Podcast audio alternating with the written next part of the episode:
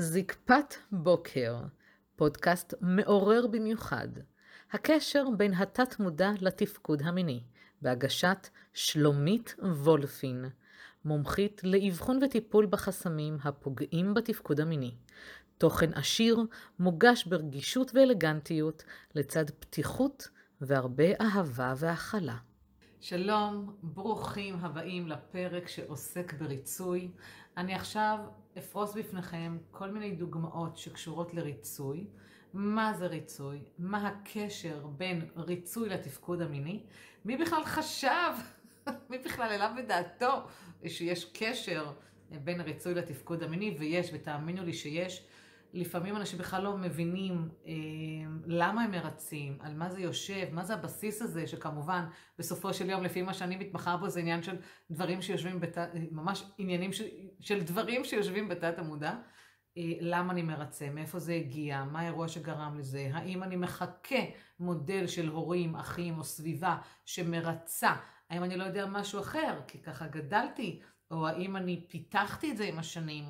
עד כמה זה פוגע בי, עד כמה זה משפיע בי, ואיפה אני בכל הסאגה הזו. כי על מנת לא לרצות, אז מי אני? מה, מה הדימוי שלי? מה הזהות שלי? ובאמת, אנשים לא מעטים לא יודעים מי הם. מרוב שהם מרצים את הסביבה, את ההורים, את המשפחה, את הבוס, אה, את הבני זוג, הם לא רואים את עצמם, הם לא יודעים אפילו להגדיר מי הם. אז אני נוגעת בפרק הזה נעים מאוד, איזה כיף שאתם כאן. אני שלומית וולפין, מומחית לשיפור התפקוד המיני לגברים. ההתמחות שלי היא עבודה דרך התת-מודע, דרך אותו מוח אחורי שמנהל אותנו ועושה לנו לופים בחיים. והסיבה שהחלטתי להביא את עניין הריצוי זה שלאחרונה בקליניקה הגיעו אליי עוד ועוד ועוד גברים מרצים. עכשיו אני גם אסביר באופן כללי מה זה ריצוי, אבל גם מה זה גבר מרצה, אה, כי זה אה, חשוב לא פחות. ו, ולמה יש השלכות על התפקוד המיני, האם הבעיה בתפקוד המיני גורמת לרצות, והאם הריצוי גורם לבעיה בתפקוד המיני. אז בואו נתחיל. אה, אני באנרגיות אה, טובות ומדהימות היום, אה, דברים מרגשים קורים, ממש, היום התאריך הוא 22, 2, 2, 2, אנחנו ב-22 לפברואר 2022, תאריך שיש לו הרבה, בואו נקרא לזה, תרגומים, אם נלך לפי תורת הנומרולוגיה ותורות כאלה ואחרות, מתקשרים, מכשפים, דברים ברומו של עולם, קבלה, לא יודעת, יש לתאריך הזה איזושהי משמעות. ואני מאוד מקווה שתשכילו מהפרק הזה. הוא חשוב בטירוף. הוא חשוב גם שתוכלו להסתכל על הסביבה שלכם אם יש מרצים סביבכם, האם בת הזוג שלכם מרצה אתכם, האם אתם חיים מתוך סיפוק והנאה או מתוך ריצוי? האם הילדים שלכם מרצים אתכם? האם העובדים שלכם חיים בריצוי? האם בן אדם מבטל את עצמו בסביבה שלכם על מנת לרצות אתכם? וכנ"ל לגבי עצמכם. אז מה זה ריצוי? אז בואו נדבר מה זה ריצוי. ריצוי זה בעצם לעשות משהו על מנת שהאדם שמולנו יהיה מרוצה. נורא פשוט. בואו נפשט את זה, נקרא לזה בשפת העם. לא ניכנס עכשיו להגדרות אה, כבדות, אה, מילוניות כבדות.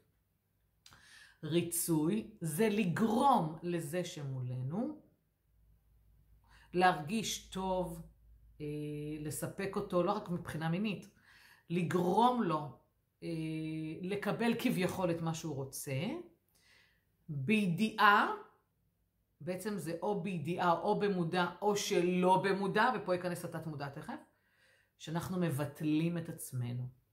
כלומר, הריצוי, יש כאלה שיגידו לי, תקשיבי, אבל ריצוי יכול להיות דבר טוב, אני רוצה לספק אותה, אני רוצה שתהיה מרוצה. אוקיי, לא כשזה בא על חשבוננו, לא כשזה בא על חשבונך, לא כשאתה מבטל את עצמך. אני אתן לכם כמה דוגמאות מהיום-יום שתבינו, ואז ניקח את זה לעניין המיני. למשל, אה, גבר שבא הביתה, הוא, הוא גדל בבית שבו אה, אבא שלו, כשהיה חוזר מעבודה, האישה הייתה מבשלת, מגדלת את הילדים, מנקת הבית, מכבסת, אה, דואגת אה, לניקיונות, דואגת לבית ודואגת לבעל. והוא מרוצה, אבל היא מרצה. זאת אומרת, מרצה אותו ברמה כזאת שהוא יבוא והוא לא יצעק והוא לא יכעס, אז תהיה מוגשת ארוחה חמה. ולא יבוא בטענות, אז הכל בשקט בשקט לעשות רק כדי שיש שלום בית. אוי, כמה שמעתי את זה, אלוהים. רק שיש שלום בית, שיש שלום בית, לרצות אותו, שיהיה מרוצה, שלא יצעק, שלא יכעס, שלא יתלונן, שהבית יהיה נקי, שהכל הכל הכל הכל. אבל היא, בשלב מסוים שכבר עייפה ואין לה כוח או לא מרגישה טוב. ו...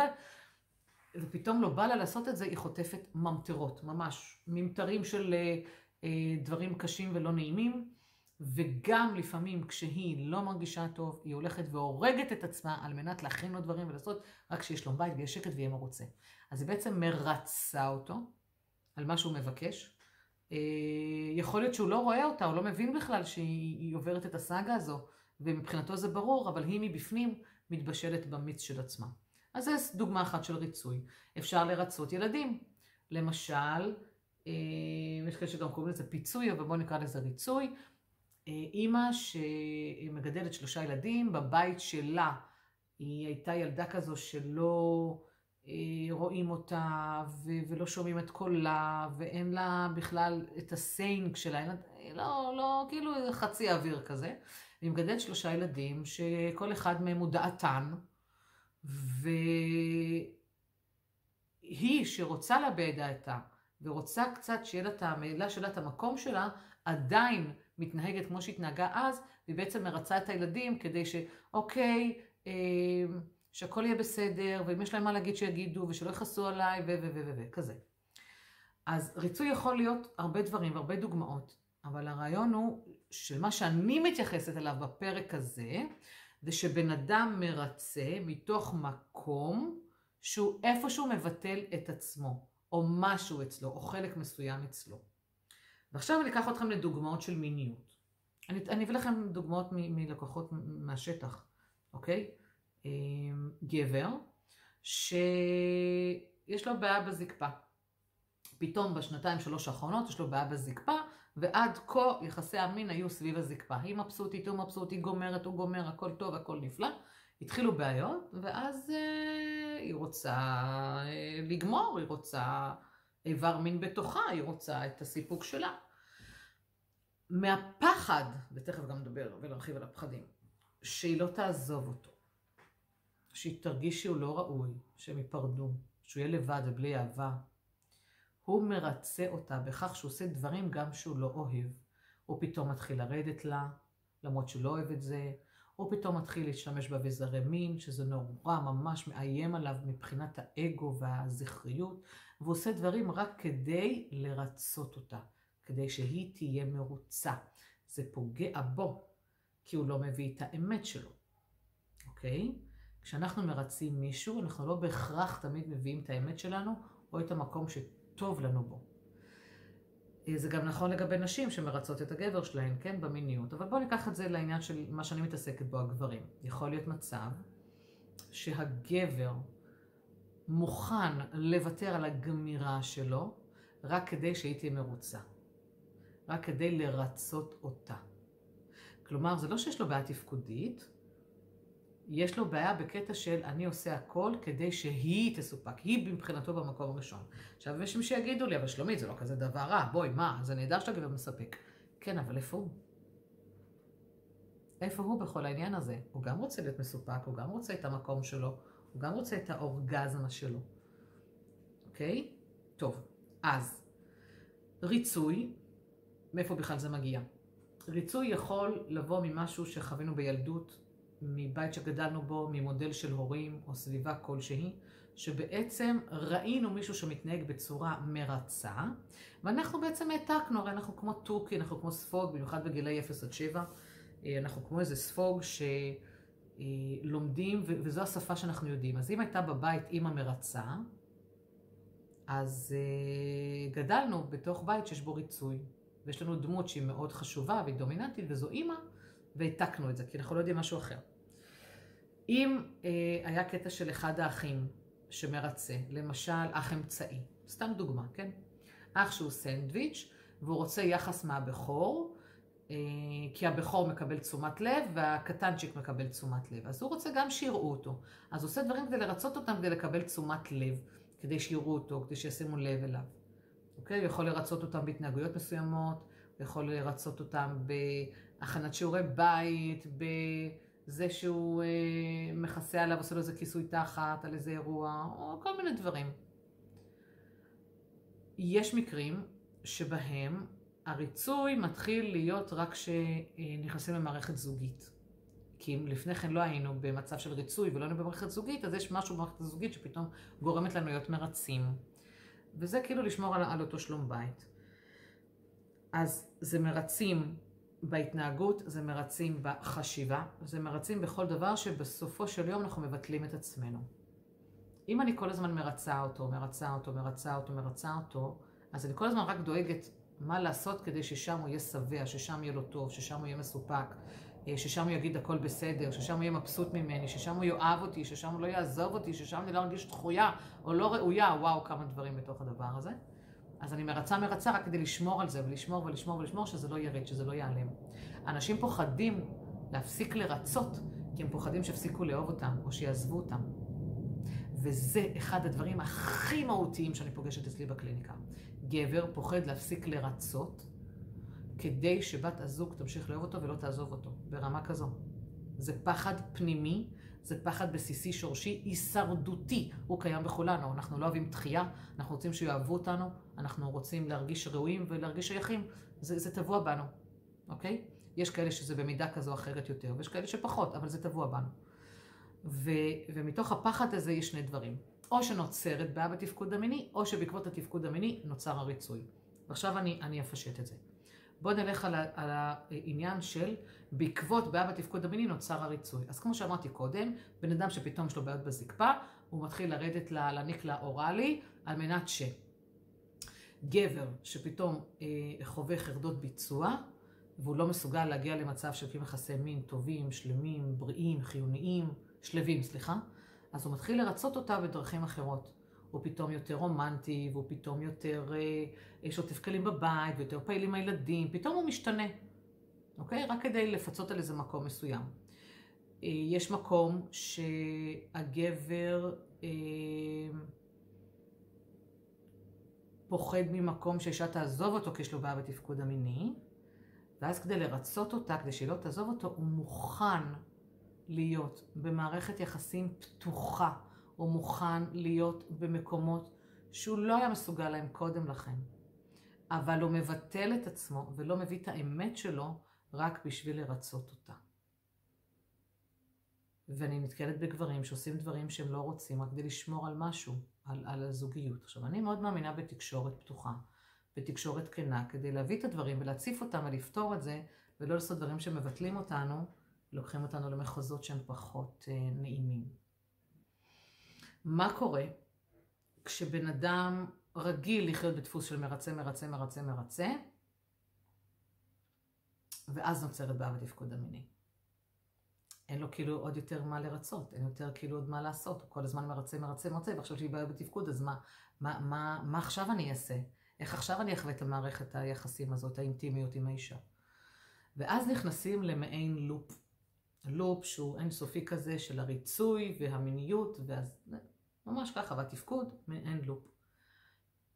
המטרה בכל הדבר הזה היא לזהות למה הבן אדם מרצה, כמה זה משרת אותו, ומה הפחדים הכי עמוקים שלו. אוקיי? הפחדים הכי עמוקים. הגיע אליי גבר בן 54, שעמד לפני גירושין, הגיע אליי, ו... בשנים האחרונות, כשהם החליטו להיפרד, הייתה לו ירידה מאוד מאוד מאוד דרסטית בתפקוד המיני. עכשיו, הוא לא הולך לשכב עם הפרודה שלו, הוא רוצה להתגרש ממנה, אבל זה משליך עליו כי הוא חושב מה יהיה הלאה, כאילו, שאני רוצה להיפגש עם נשים אחרות. כשניתחנו את המצב שלו, הבחנתי את זה שהוא טיפוס מאוד מרצה. כל מה שאשתו הייתה אומרת ורוצה, הוא היה עושה אמן הללויה, משתחווה, כן, כן, ממש ככה. מה שתגידי, אני עושה. לך תוציא את הילדים, לך תעשה ככה, מעבר לזה שהייתה גם טיפוס קצת בוסי ושתלטן, אה, לך אה, תעשה ככה, תעבוד ככה, בשעות האלה יהיה ככה, אני מחליטה לאן יוצאים, אני מחליטה איפה מבלים, עכשיו תלך לאמא שלי, עכשיו תביא לי אוכל, עכשיו תעשה סופר, עכשיו, עכשיו, עכשיו, כמו איזה פאפי כזה. והוא, אני אוהב אותה, אני אוהב אותה, אני אוהב אותה, אני אוהב אותה, מרצה, מרצה, מרצה. בסופו של יום, כשהוא יושב מולי, אומר, בוא'נה, אני חושב בכלל אם אני אוהב אותה. אני לא יודע אם אני באמת אוהב אותה, או שבאמת רק ריציתי כדי שהיא תאהב אותי. אתם קולטים מה אני אומרת? בן אדם היה נשוי קרוב ל... מה הוא הייתה? 18 שנים? פלוס מינוס, קרוב ל-20 שנים. אני מרצה, אני מרצה, אני, ואיפה אני? מי אני? ואז אני שואלת אותו, מי אתה? אומר, אני לא יודע. אני לא יודע, אני תמיד הייתי נתון למה שהיא אומרת, כל הזמן לרצות אותה, ושיהיה טוב, ולשמור על שקט ושלום בית, ופתאום הכל מתפוצץ. עכשיו, שאלתי אותו, אתה מעוניין לחזור אליה? אם אתה אוהב אותה, אתה מוכן לתקן את זה? אז מצד אחד אומר, אני לא יודע אם אני אוהב אותה, ומצד שני, אני לא מוכן לחזור למערכת יחסים הזו שאני מרצה, אני רוצה להכיר את עצמי. אז עברנו תהליך של מודעות, איזה סוג של התפתחות ממש. האמת שדי מהר הוא עבר את זה, יאמר לזכותו.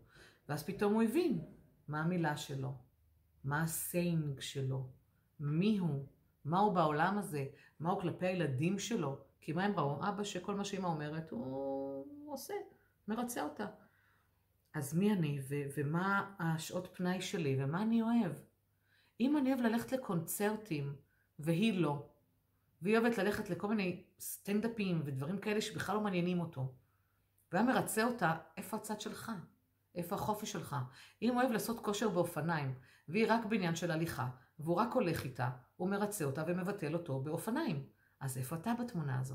אז פתאום, כשאנחנו מקלפים את כל הדברים, אנחנו מבינים שאפשר למצוא את המי האני שלי. מה זה האני שלי? מה זה האני שאני לא... כשאני לא מרצה. כשאני לא מרצה. עכשיו, ברור לכם שברגע שניקינו את כל הדבר הזה ואת כל המשקעים האלו, והוצאנו את הג'יפה הזאת של הריצוי, מה קרה? הוא חזר לתפקד מינית, ככה, בקסם, בקל, אני אומרת בקל, ממש בקל, אוקיי? אבל צריך להבין על מה יושב הריצוי. אז התחלנו לחפור אחורה, כי מה התת מודע עושה? תת המודע בעצם שומר פה, באיזה מחסן אחורי, כל מיני אירועים, זיכרונות, חוויות, טראומות, ובעצם כשקורה אירוע בהווה, הוא שולח פולסים. הוא שולח פולסים, ואז הוא, הוא מזכיר, אם במודע שלו, את מה שקרה אז, ומתרגם את זה להיום.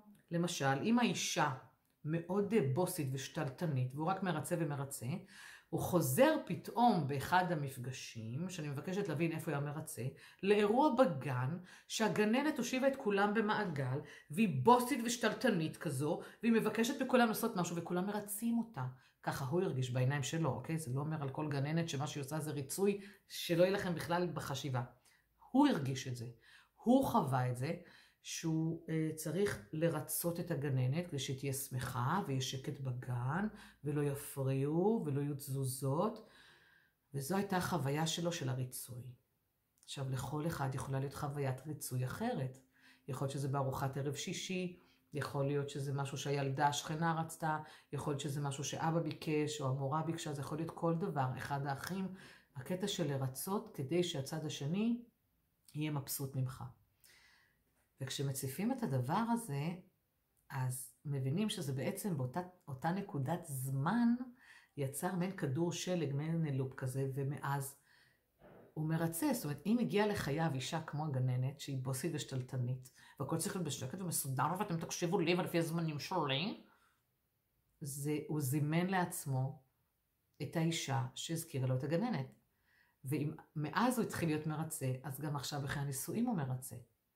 עכשיו, כשהתחילה הבעיה בתפקוד המיני, והוא אומר, חלאס, אני רוצה לרפא את זה, אז הוא צריך להבין לחלוטין שעליו לטפל בעניין המרצה. עכשיו נשאלת השאלה, אוקיי, אז אם אני כבר לא מרצה, מה אני עושה? איך אני מכיר נשים?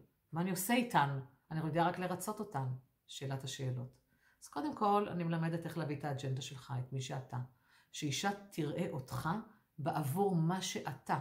אם אתה אוהב אופניים, אם אתה אוהב קריאה, או חצים, אם אתה אוהב את הבורסה, או אם אתה אוהב לאפות ולבשל, אם אתה אוהב לעבוד מהבוקר עד הערב, או אם אתה רוצה לעבוד שלוש, שלושה ימים בשבוע, אם אתה מאוד אבהי ורוצה לגדל את הילדים שלך, אם יש לך מילה, ואם אתה מציב גבולות, ואם אתה יודע להגיד את דעתך ולהביא את האמת שלך. הפחד הזה, שהוא מאוד בסיסי ושורשי, שלא יאהבו אותנו ולא ירצו אותנו, שגורם להיות מרצים, הולך בטל ומבוטל. ואז הבן אדם מבין שעליו להעלות את הערך העצמי שלו ואת האהבה הפנימית כלפי עצמו כדי לזמן את בת הזוג הראויה לו, ולא זו שתגרום לו שהוא יבטל את עצמו וירצה אותה. עכשיו, הריצוי יכול להיות מהרבה דברים. בקטע של אגו, בקטע של פחד. גם אגב, הפ... הצד השני, יכול להיות שהוא חי בפחד, שלא יאהבו אותי, לא זה וזה, ואז אני אנהל לו את החיים והוא ירצה אותי, ואז הכל טוב וזה השלום בית. אבל זה לא בריא. בסופו של יום, לא משנה אם זה 5, 10 או 20 שנים או 30 שנים, זה יכול להתפוצץ בפרצוף הדבר הזה. וזה בדיוק מה שמגיע אליי, ויותר מזה, זה יכול לפגוע בתפקוד המיני. כי אם זאת אישה שיודעת שאתה נותן לה בחדירה, וזה מה שהיא מרוצה ממנו, ואתה לא יכול לספק לה את זה, אתה מאבד את עצמך, אתה לא יודע כבר מי אתה בדבר הזה. אז אני חוזרת, שמה שאנחנו עושים זה בעצם לנקות את אותן אנרגיות בתת מודע, בגוף, בנשמה, איך שתרצו לקרוא לזה. לנקות את אותן אנרגיות שיצרו את הריצוי. לזהות מי אתם, מה אתם בעולם הזה, מה אתם בעבור זוגיות שתהיה טובה ומכילה. מה אתם בעבור היותכם הורים או ילדים למישהו, כי יש לנו גם הורים מבוגרים. האם אתם מרצים את ההורים שלכם? ומה הפחד הזה? ומתי השרשתם אותו? אבל יותר מכל, האם אתם מוכנים להיפרד ממנו ולהפסיק להיות מרצים? ריצוי, לפי איך שאני רואה את זה, זה ביטול עצמי. אני לא מדברת על פה ושם שעושים איזה מחווה ויאללה רק שיהיה בשקט ומרצים פה ושם, אני מדברת על דפוס התנהגות קבוע, על דפוס התנהגות מסרס, על דפוס התנהגות שממש מבטל אתכם, את מי שאתם. אם אתם למשל תדמיינו מסיבה, בואו נדמיין מסיבת קוקטייל, סבבה? ומגיעים איזה 20 זוגות, ואתם ביניהם, ו... החבר'ה שואלים מי זה ומי זה, אה, זה ככה וזאת ככה והוא ככה ומי זה, וואלה, אנחנו לא יודעים מה הקטע שלו. למה? כי הוא כל כך מרצה, שהוא כל כך מבוטל, שאפילו לא יודעים מי הוא, מה הזהות שלו. אוקיי? עכשיו, יש כאלה שיוצרים הפרדת ריצוי. למשל, בבית אני אה, המחליט, הקובע, המנהל, עושה את הדברים, אבל בעבודה אני הפאפי של הבוס שלי. אני המרצה של הבוס. גם את זה אפשר לרפא. לא חייבים להיות הפאפי של הבוס, אלא אם כן אתה ממש בפחד הישרדותי מטורף, שהבוס מה שיגיד, אמן אמן הללויה. אוקיי? אז יש כאלה שעושים את ההפרדות בין הזה. יש כאלה שחיים בתוך אה, חברה מסוימת, שיש להם נגיד איקס חברים, עם כל האחרים יש להם את ה saying שלהם, אבל עם החבר הספציפי ההוא הוא מרצה. עכשיו, זה יכול להיות בגלל שהוא מזכיר לו מישהו, זה יכול להיות שזה עניין איזה משהו שהיה ביניהם בעבר וגרם בעקבות אירוע מסוים לדבר הזה. יכול להיות הרבה דברים. הרעיון הוא לאבחן את זה. הרעיון הוא להבין על מה זה יושב. אז חברים, תודה רבה לכם. תודה רבה לכם על הפרק הזה. איך שאני רואה את זה, ריצוי זה חיים, לחיות חיים של מישהו אחר. אה, אתם יודעים מה? זה זורק אותי לעוד משהו. הגיע אליי עורך דין. ממש כבר ברמה אנרגטית ממש כבר נמוך, נמוך, נמוך. ואני אומרת לו, מה קורה? מה קורה איתך? עזבו כבר את התפקוד המיני שנפגע. הוא אומר לי, לא טוב לי. כל החיים שלי רק ריציתי. ואחד הדברים הכי קריטיים זה שהוא עורך דין והוא לא אוהב את זה. אז למה אתה עורך דין? כי ריציתי את ההורים שלי. ההורים שלי באו מאיזה כפר, היה להם חשוב שהבן שלהם יהיה עורך דין, ועשיתי הכל כדי שאני עורך דין. בסופו של יום זה ריקושט שחוזר עלינו בצורה לא תמיד נעימה. כן, נתתי פה דוגמה שנזכרתי תוך כדי. אז שוב, תודה רבה לכם אה, על שאפשרתם לי להביא את זה למרחב. אני מאחלת לכם שתחיו חיים נכונים, מדויקים, ללא ריצוי, שתחיו את מי שאתם באמת. ואם אתם לא יודעים, שבו רגע עם עצמכם ותשאלו, מה אני אוהב? מה אני מוכן לעשות, מה אני לא מוכן לעשות, על מה אני מוכן להתפשר או לוותר ועל מה לא. מה האמת שלי? מי אני? מה, מה הדעה שלי? מה החשיבה שלי? אוקיי? ועל אחת כמה וכמה אם אתם נפגעי תפקוד מיני, אז לבדוק האם זה יושב על ריצוי. אז אני שלומית וולפין, ואני מאחלת לכם באמת חיים טובים ונפלאים ומספקים. נתראה בפרק הבא.